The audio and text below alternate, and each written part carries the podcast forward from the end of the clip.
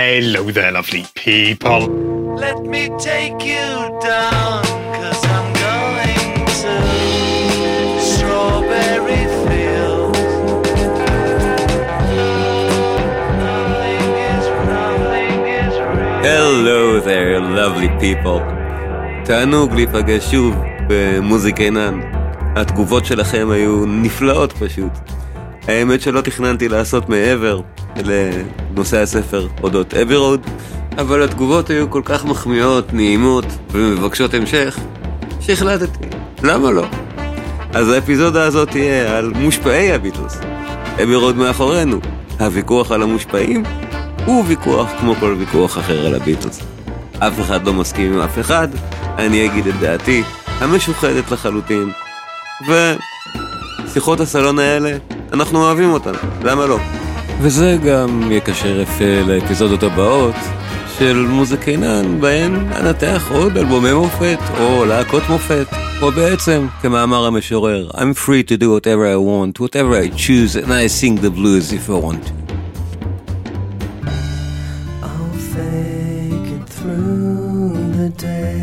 With some Johnny Walker Red. Send the poison brain down the drain to put bad thoughts in my head. The two tickets torn in half and a lot and nothing to do. Do you miss me? Miss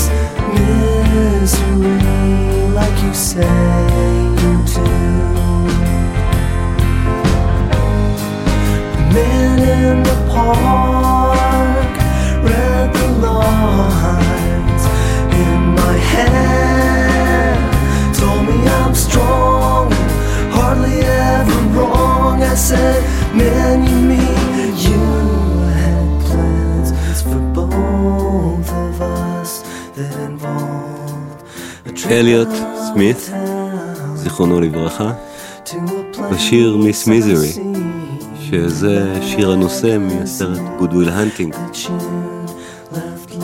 השיר היה מועמד לאוסקר, לא זכה, כמובן. אתם מוזמנים לבדוק איזה שיר כן זכה באוסקר ב-1998.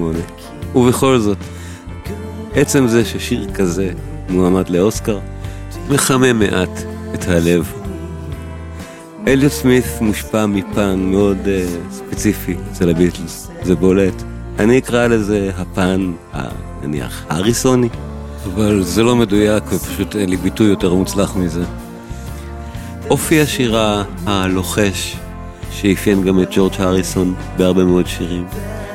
אופי נגינת הגיטרות, גם החשמליות, גם הפריטות האקוסטיות. ובעיקר, אופי הלחנים, השפה ההרמונית והמלודית. דברים שאפיינו את הביטלס בתחילת ואמצע דרכם, עד רברסול, וכמובן שגם בהרבה מהאלבום הלבן.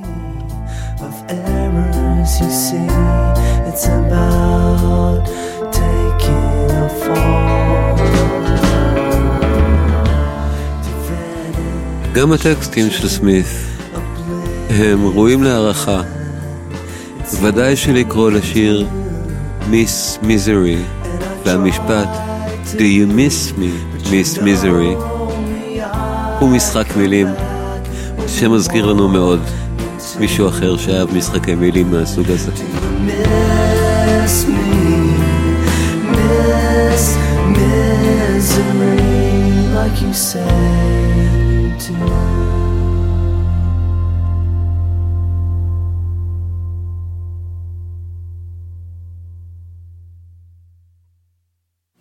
זה לא רוקי רקון.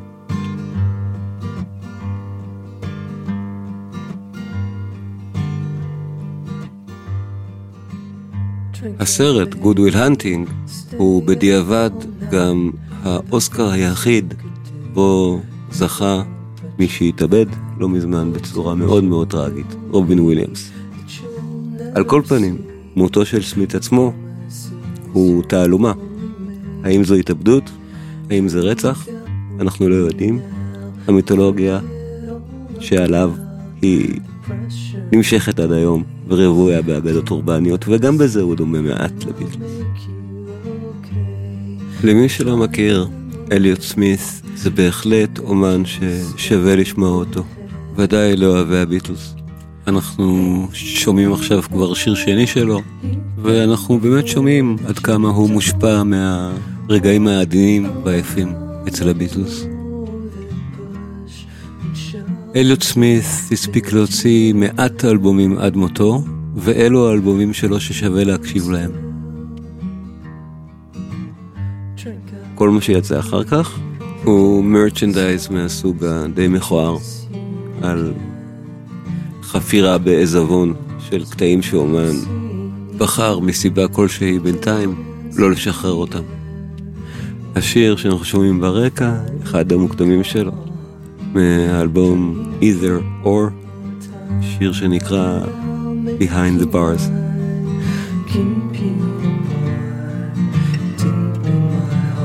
separate the I you the best.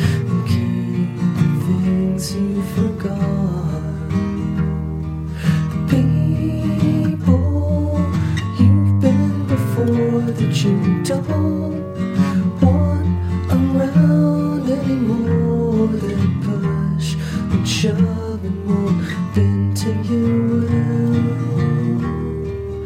I'll keep them still. כששאלתי את חבריי בחיים ובפייסבוק מי הלהקה הכי מושפעת מהביטלס, חצי או שלושת רבעי מהתשובות היו אויזיס.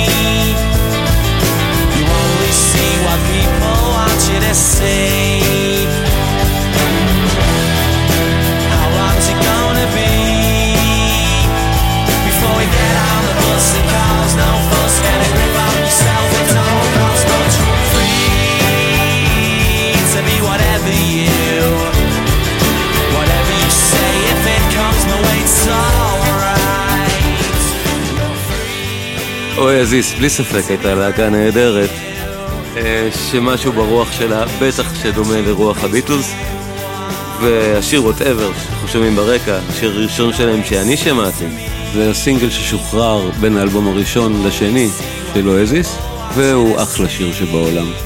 שיר נפלא, אותי הוא פשוט הפתיע כששמעתי אותו בפעם הראשונה, כשברור כל כך שהם אוהבים את הביטלס ומתייחסים ישירות אליהם.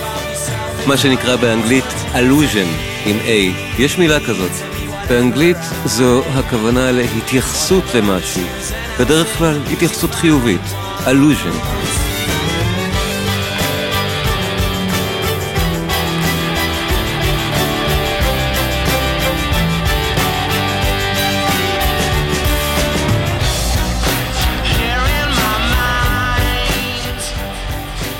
עכשיו ברור, גם סגנון הלחן, גם סגנון העיבוד, בוודאי שהשירה של ליאם גלגר מנסים להגיד לנו איך הביטלס היו נשמעים אם היו פעילים ב-94. אני חושב שזו הנקודה פה.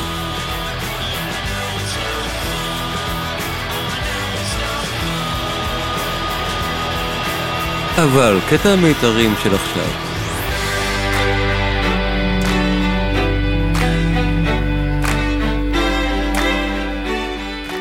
זה בעיניי כבר לא כל כך לעניין. אורכו של הסינגל הוא מעל שש דקות. זה לא שינה את העובדה שהסינגל מאוד הצליח, אבל עדיין. שש דקות? לא. סינגלים של הביטלס היו שתיים עד שלוש דקות, Strawberry Fields שהוא ארוך זה ארבע דקות, והי ג'וד שהוא קיצוני, ובכוונה הוא שבע דקות. סינגל כמעט ראשון או שני של להקה לא אמור להיות שש דקות, בטח לא שהוא חוזר על עצמו כל הזמן. עוד דבר שלא עוזר זה עניין אחד שליאם גלגר לא ידע להשאיל מלנון. הוא נשמע מאוד דומה לו, אבל שימו לב לטקסט. I'm free to do whatever I, whatever I choose, and I'll sing the blues if I want. אז עמוק במיוחד זה לא, אנחנו יודעים, אוהזיס זה שני אחים. ליאם גלגר זה משהו אחר מנוהל גלגר שנשמע אחרי זה. בינתיים, השיר כל כך ארוך שאני פשוט אקטע אותו תכף, כי זה חוזר וחוזר וחוזר וחוזר. עד הסוף, שבו, בלי למצמץ, הם מוחאים לעצמם כפיים, זו הקלטת אולפן. אז מה? בואו נשמע את הסוף.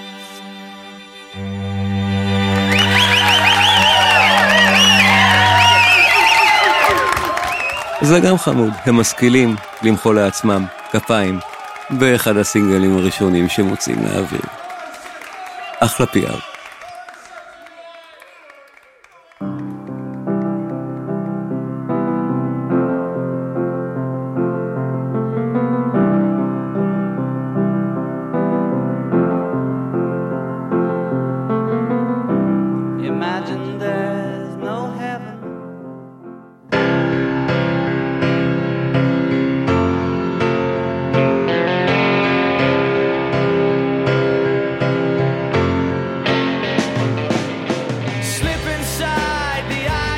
השיר שאנחנו שומעים עכשיו, Don't Look Back in Anger, עוד שיר נפלא של אואזיס, ושר אותו נור גלגר, האח שכותב את השירים, אבל הוא לא הכריזמטי והבועט כמו אחיו ליאם, שהוא שר אותם, בדרך כלל.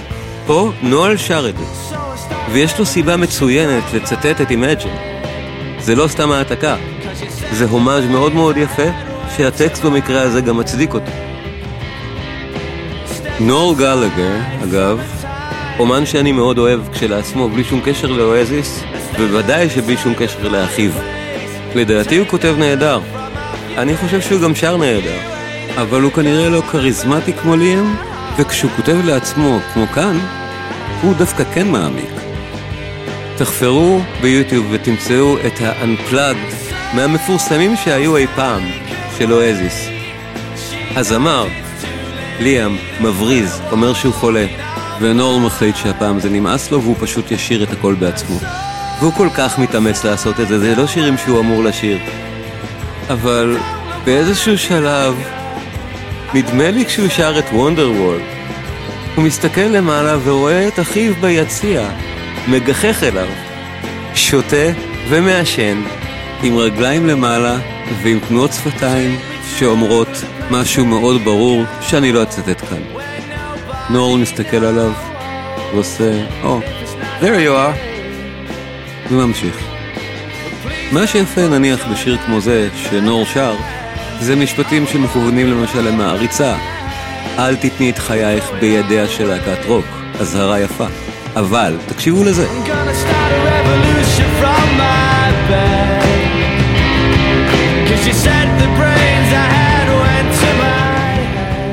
So, I start a revolution from my bed. זאת התייחסות ישירה למיטת השלום של ג'ון ויוקו.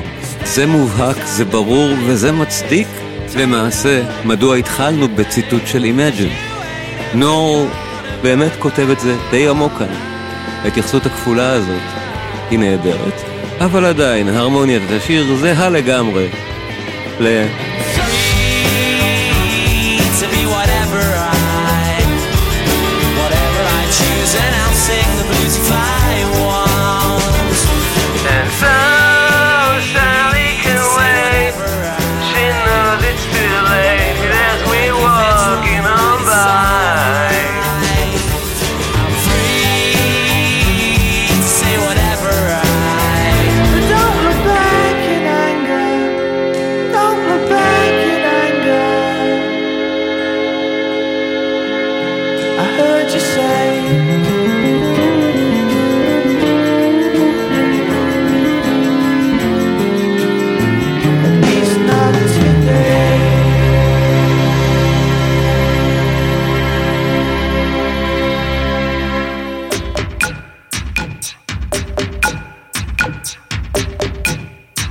ומה קשור מה שאנחנו שומעים עכשיו באמת?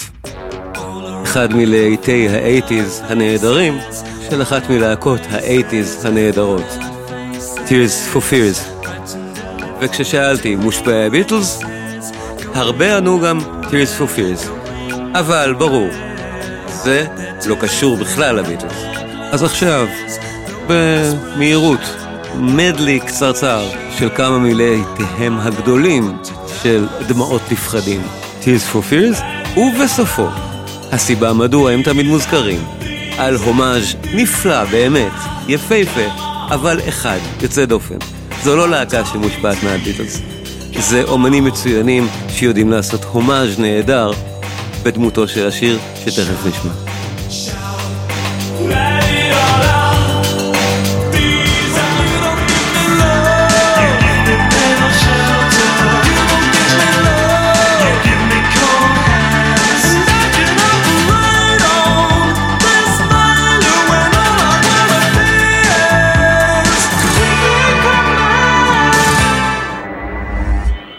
כן, אנחנו מדברים על Sowing the Seeds of Love.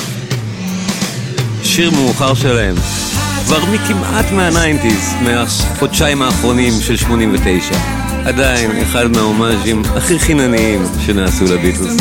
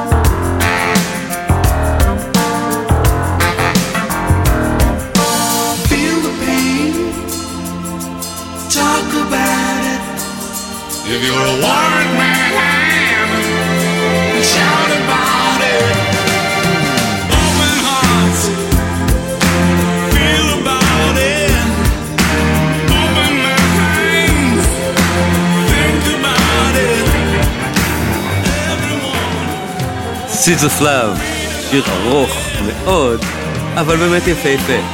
עשוי מדויק לגמרי. ושימו לב אפילו לסולו החצוצרה, שהוא כל כך Penny Lane. במקרה של Penny Lane הם פשוט לקחו קטע מהברנדנבורגים של באך, אבל מה זה משנה? ה allusion כאן הוא באמת מהיפים שיש.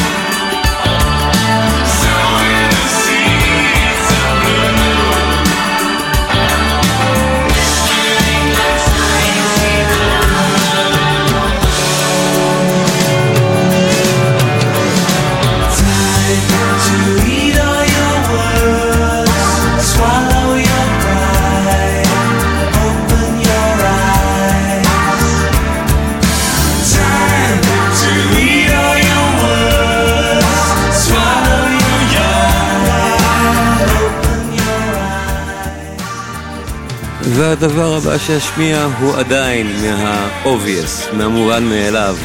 כששאלתי מי לדעתכם המושפעים ביותר מהביטלס, אחת התשובות הכי נפוצות היו ג'ף לין ו-ELO שלו, שאני מתאר לעצמי שהרוב התכוונו למיסטר בלו סקאי שאנחנו שומעים עכשיו.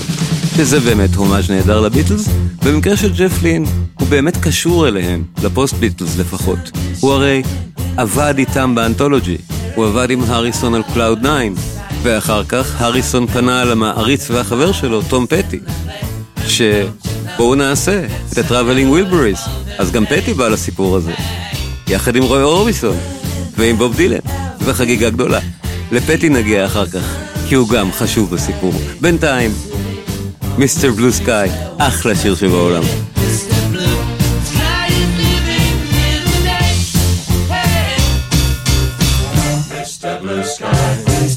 Why you had to hide away for so long.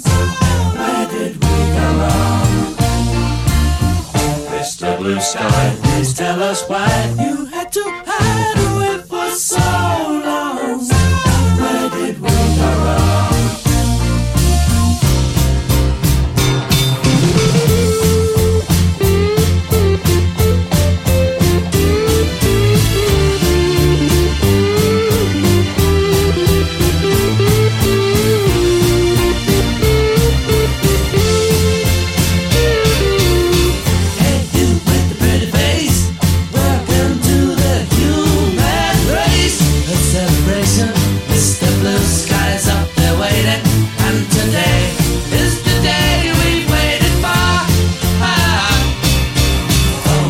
Blue Sky, please tell us why you had to hide away for so long. Where did we go wrong? Hey there, Mr. Blue. It's a place to be with you. Look around, see what you do. Everybody smiles at you. Hey there, Mr. Blue. It's a place to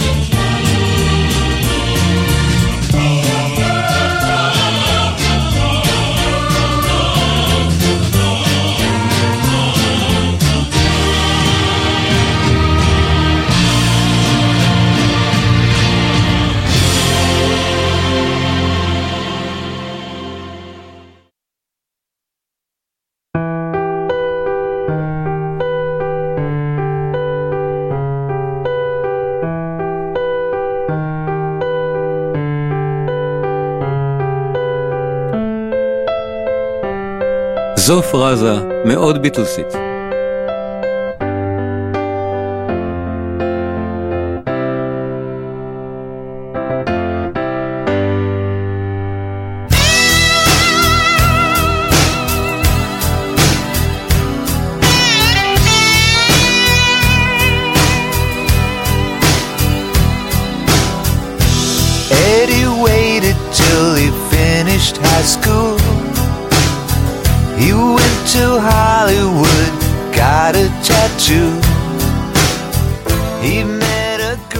לגבי תום פטי, כדאי שאני אסביר מעט מדוע לדעתי הוא ממש שייך לכאן.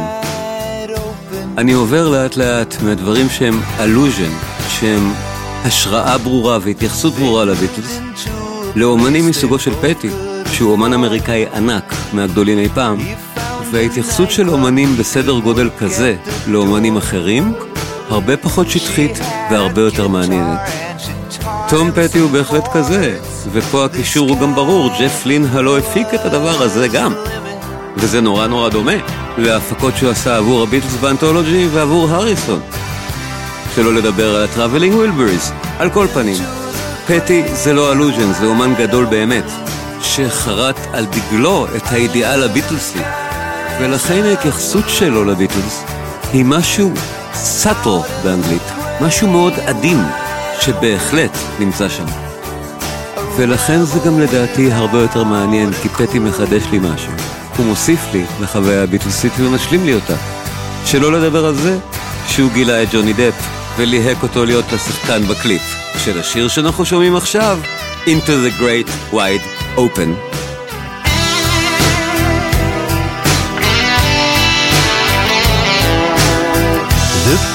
בהקלטות האלה, המאוחרות יחסית של פטי, כבר מה nineties, הוא לגמרי בריטי. הוא הרי כבר חבר טוב של הריסון.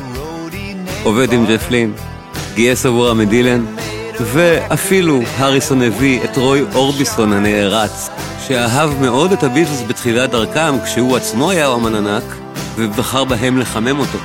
הריסון מחזיר לו בטובה ענקית, בשיתופו ב Traveling Wilburys, יחד עם פטי, דילן וכל השאר, על מנת שתהיה לו עדנה אחרונה בגיל 80, שקולו עדיין דולח.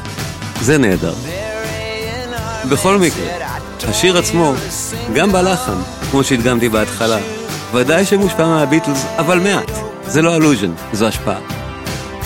אבל יותר מזה, הטקסטים של פטי, כאן הוא מדבר על A rebel without a clue.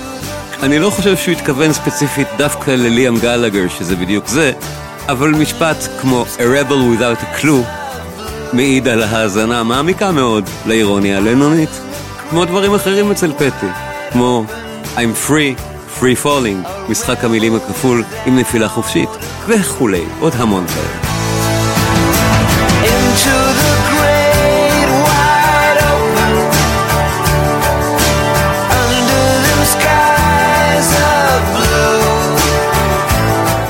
אנחנו לא תמיד מזהים את זה כישראלים, אבל תום פטי היה עד מותו, שוב בטרם עת, לא מזמן, אחד האומנים האמריקאים הגדולים ביותר שיש. וודאי שהוא חרט על דגלו האמנותי את הביטלס, או את מה שהם ייצגו, כמו שאנחנו שומעים בשיר הזה, Last Dance for Mary Jane.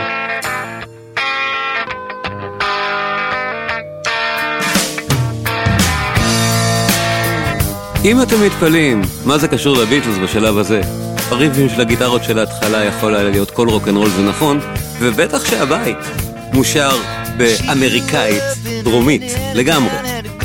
יש לו מסר שבגללו הוא שר את זה ככה, והמסר יתבהר כשנגיע לפזמון, ונתהפך לסיקסטיז כאילו במכונת זמן, לפסיכדליה ביטלסית, לגמרי. ששוב, פטי הוא אומן שאומר משהו, ולכן הוא עושה את זה. Well, she moved down here at the age of 18. She blew the boys away, was more than they'd seen. I was introduced and we both started grooving. She said, I dig you, baby, but I got to keep moving. On. Keep moving on. שימו לב, פסיכדליית ביטלס 60's. Let's dance with Mary Jane one more time to kill the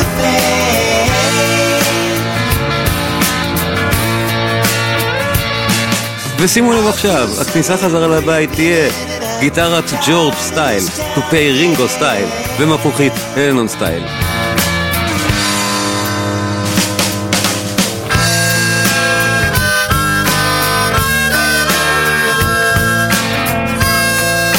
ובנוסף, line השירה הגבוה, שמתחיל כאן ואני מנגן אותו על פסנתר, שיהיה הקונטרפונקט של הסוף. עוד אמצעי אומנותי ביטלסי לגמרי. Tired of going down, tired of myself, tired of this town. Oh my my, oh hell yes, honey put on that party dress. והרעיון באמת היה הטקסט שמתקשר פה עם העניין הלנוני דילני הזה. Last dance with Mary Jane, one more time to kill the pain. בתרגום חופשי, הריקוד האחרון עם המריחואנה, על מנת פעם נוספת להרוג את הכאב. Tired of this town again.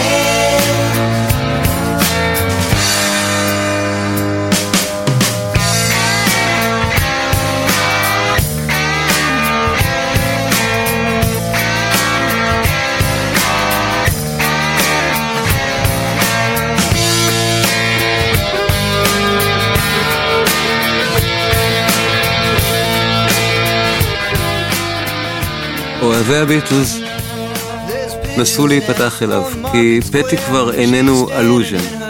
תום פטי הוא אחד מהאומנים הבכירים בהיסטוריה של הרוק האמריקאי בזכות עצמו.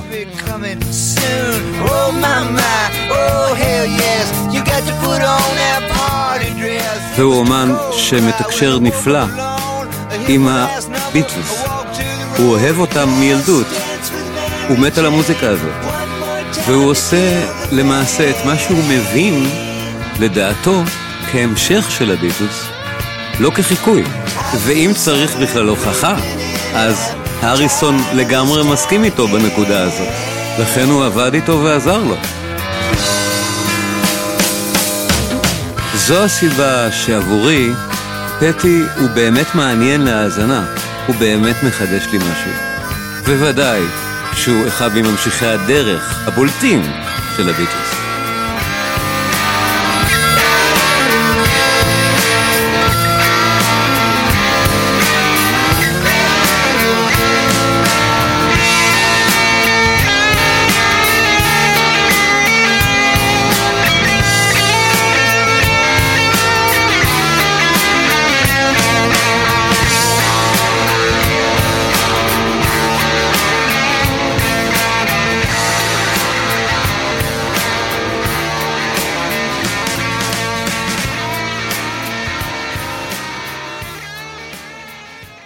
בסרט שהפך להיות קאלט, Garden State, הדמות הקולית, אותה מגלמת נטלי פורטמן, אומרת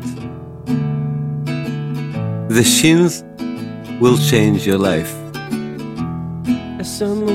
היא מתייחסת לאלבום הזה, אלבום הבכורה של ה Shins.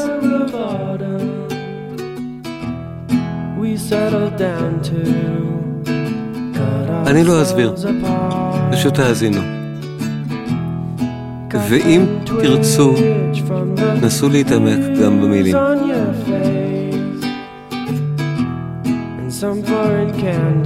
כי הפואטיקה הביטלסית נלמדת בבתי ספר.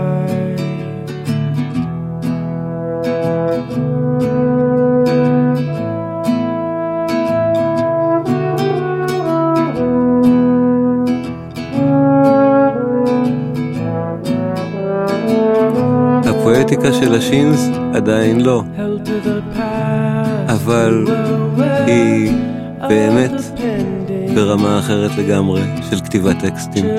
ודאי כשאנחנו מתייחסים לרמת הכתיבה ב-20 השנה האחרונות. The shins will change your life. אני יכול להבין למה המשפט הזה מדויק בהקשר של הסרט ובכלל. summertime.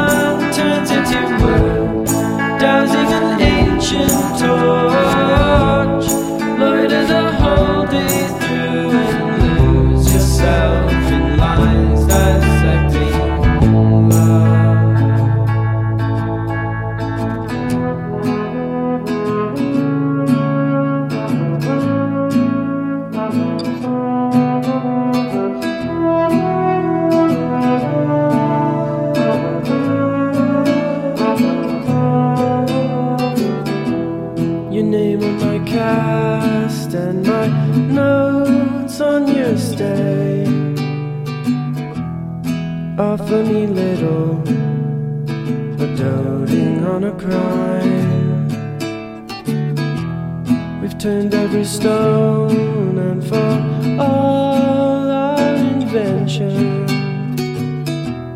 in matters of love lost, we've no recourse at all.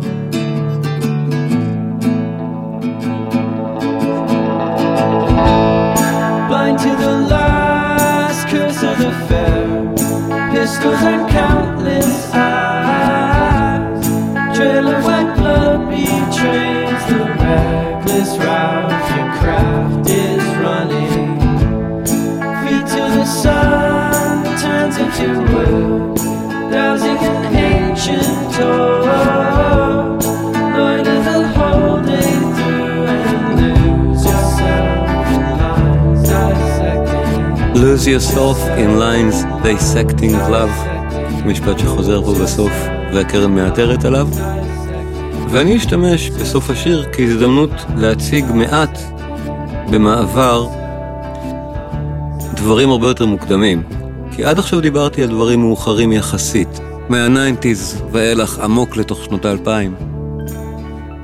אבל זה ברור שב-60's היו להקות לצד הביטלס, מהם הם הושפעו הדדית. וכמובן שב-70's גם היו להקות שמאוד הושפעו מהביטלס, ולא ארחיב על זה עכשיו, זה עניין לתואר דוקטורט, מה קרה אחר כך בדיוק. אבל בואו נתעסק בדוגמה אחת מה-60's, מובהקת, נהדרת. התאומים של הביטלס, אלה שאכן חיו באנגליה. הם היו חברים שלהם, הם דיברו אחד עם השני, והושפעו הדדית באמת, כי הם היו קרובים גיאוגרפית. אז אני פותח את הטרנזיסטור. בואו נשמע. אם אנחנו מסירים את כל רעשי הרקע שמסביב על מי קדם למי במה ואיך, הדבר שבאמת הכי דומה לביטלס מתקופתם שלהם, אלו הקינקס. להקה בריטית, באמת מאותה תקופה בדיוק, שמסיבות די הזויות, של הם הלכו מכות בשדה תעופה או משהו, נשללה מהם הוויזה לארצות הברית. המשמעות הייתה, אין להם קריירה בינלאומית. רק באנגליה. בדיעבד אנחנו מכירים היום את הקינקס כבר מצוין, אבל ב sixties לא הכירו אותם בכלל מחוץ לאנגליה. ולכן מקובל עד היום לדבר על הביץ' בויז למשל, כהשפעה הדדית בולטת, למרות שהם בצד השני של האטלנטי. ההפריה ההדדית האמיתית היא הקינקס, וזה ניכר במוזיקה. הביטלס הלא גרו בלונדון, והכירו מצוין ואישית, וגם היו ביחסים חבריים עם ריי דייוויס ודייב דייוויס, הכותב והגיטריסט של הקינקס. והשפעה הדדית היא ממש ככה, השפעה הדדית, החלפת רעיונות אמיתית בין האומנים האלה. הקשר הזה הוא בולט מאוד, ולדעתי הוא גם יפה מאוד. ריי דייוויס אחד מהכותבים הגדולים לדעתי בתולדות הרוקנרול. העוול שנעשה לקינקס על כך שלא יכלו לצאת להיות הצלחה בינלאומית בשיאם ב sixties, תוקן היסטורית כבר היום. אנחנו מכירים את שיריהם. ומה שאנחנו שומעים עכשיו ברקע, זה בדיוק דוגמה לדבר הזה. מקובל מאוד מיתולוגית להגיד שהשיר המושפע הודית, הראשון בתולדות המוזיקה המערבית הפופולרית, הוא השיר No Wedge in Wood, בו הריסון החל מנגן על סיטר, אבל See My Friends של הקינגס הוקלט ויצא לאור חצי שנה לפני כן. זאת אומרת, ההשפעה ההדדית הייתה באמת חזקה. הביטלס במקרה הזה הושפעו מהקינגס ולא להפך. וזה פשוט מעיד באמת על יחסים אומנותיים אינטימיים ויפים בין אנשים מאוד מאוד יצירתיים. See my friend, see my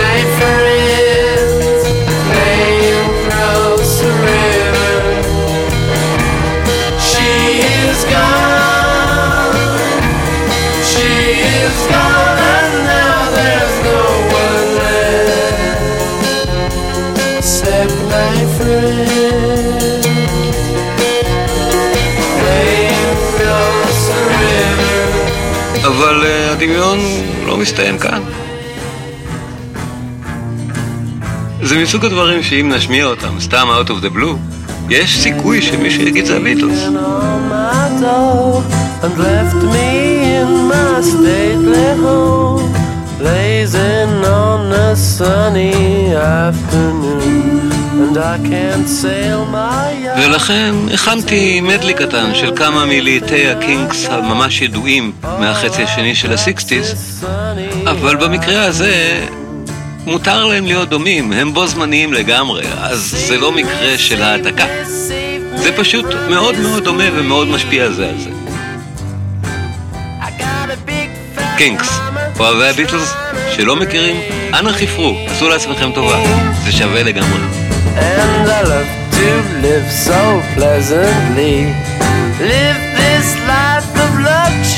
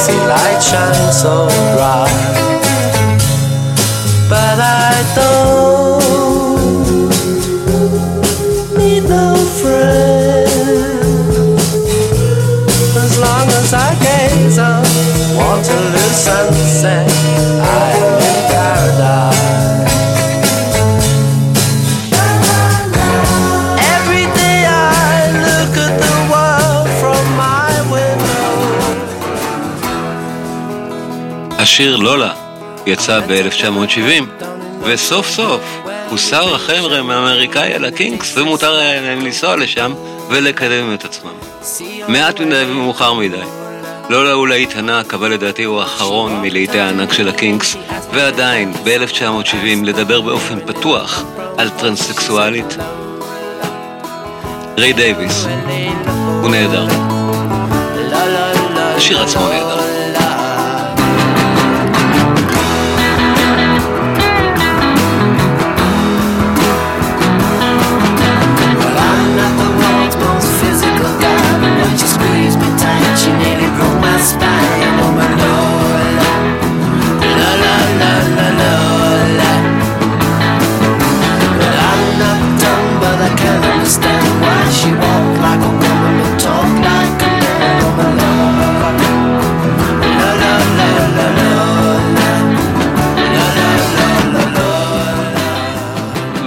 ברור שלולה הפך להיות המנון הקהילה הגאה בארצות הברית האנגלית. עד היום, בטח. אבל השיר שבחרתי להשמיע במלואו הוא השיר שנקרא Dead End Street, ונשמע אותו עכשיו, ותראו, אני בכלל לא צריך להסביר למה אני משמיע אותו כדבר הכי דומה שיש לביטלס.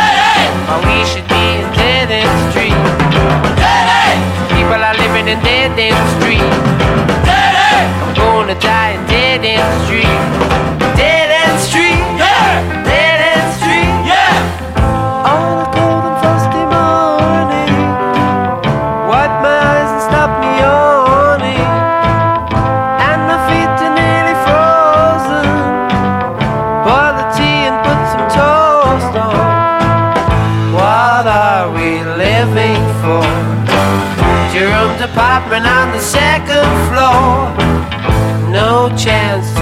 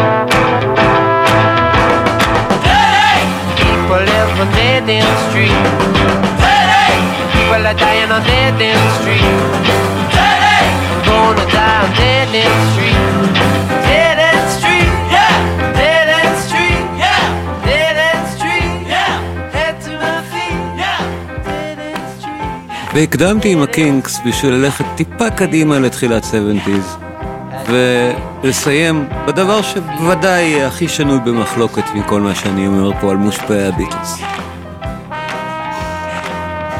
שתי להקות בריטיות שהגיעו להישג דומה מאוד, האחת היא כמובן הביטלס, שהלהקה עצמה וקריירות הסולו של חבריה בנפרד היו הצלחה ענקית. אין לזה אח ורע בכלל, באמריקה. אבל באנגליה,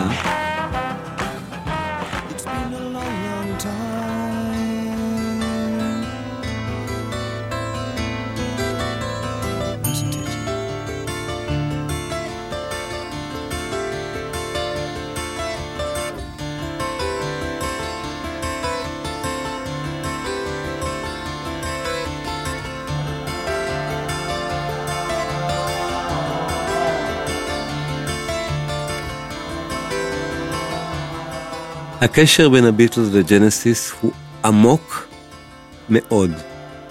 אבל על מנת להבין אותו, קצרה היריעה. אולי אקדיש לזה אפיזודה, אולי לא. אבל בשביל להסביר למה אני מתכוון, בואו נשמע רעיון עם פיל קולינס עצמו, שמתאר הקלטת שיר שאני לא הייתי מעלה בדעתי שהוא מושפע שם מלנון, אבל ברגע שהוא אומר את זה אני מבין אותו. בואו נשמע את קולינס. אנגלית בריטית כבדה, הוא גם מבוגר מאוד כשהוא מתראיין. נסו להבין אותו. And the, the lyrics of, of, of Mama were improvised. I was kind of, that's my kind of Lennon.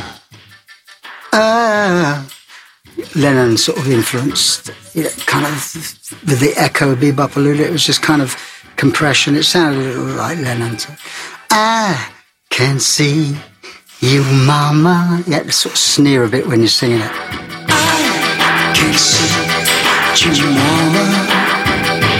But I can hardly wait. But I can hardly wait. Oh, to touch. In all the years, nobody ever asked why the laugh. Because I thought that people would be surprised, you know. Genesis, Gra- Grandmaster Flash. Surely not. הפתיחה המאוד ארוכה של מכונת תופים בשיר, שמחוברת אגב דרך כל מיני המצאות אולפניות של מגברים וכולי, מותירה לי מעט זמן לדבר על התרומה הענקית האחרת של ג'נסיס, שדומה לתרומה הענקית האחרת של הביטלס. שדרוג מוחלט של הטכניקה האולפנית, כולל עבודה על מחשב, עבודה עם סמפלרים. Gated drums, כל הדברים האלה נעשו לראשונה אצל ג'נסיס.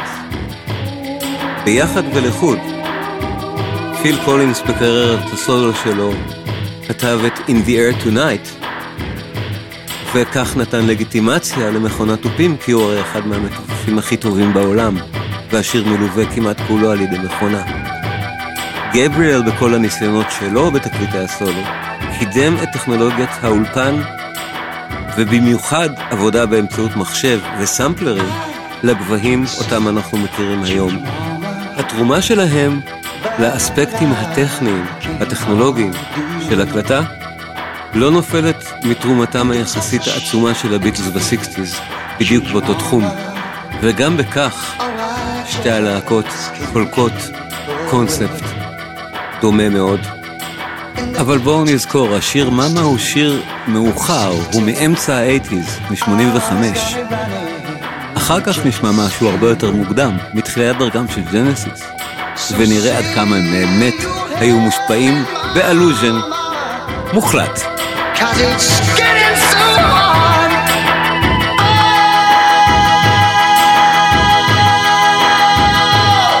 now I can keep you, mama, but I know you're always there. You listen, you teach mama, and I know inside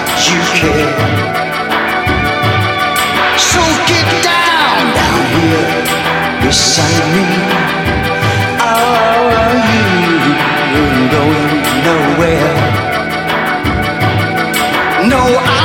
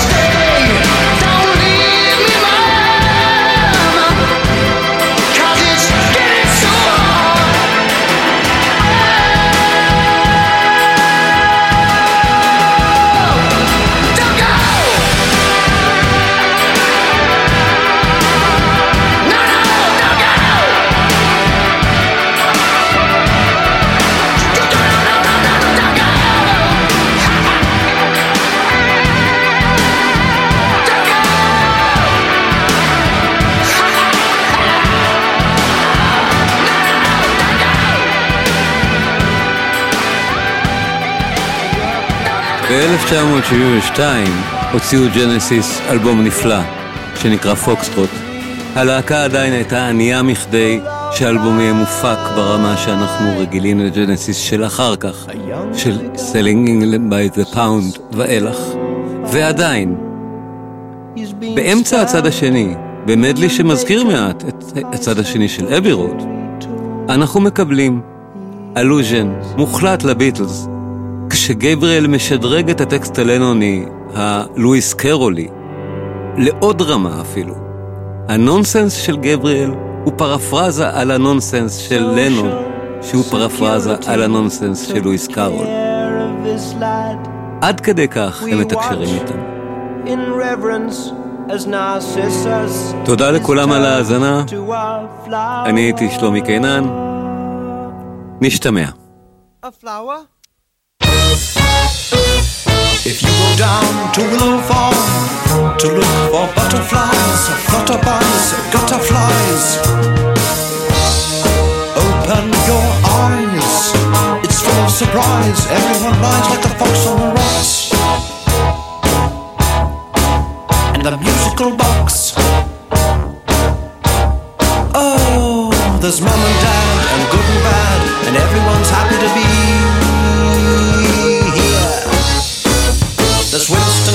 you rest and drive.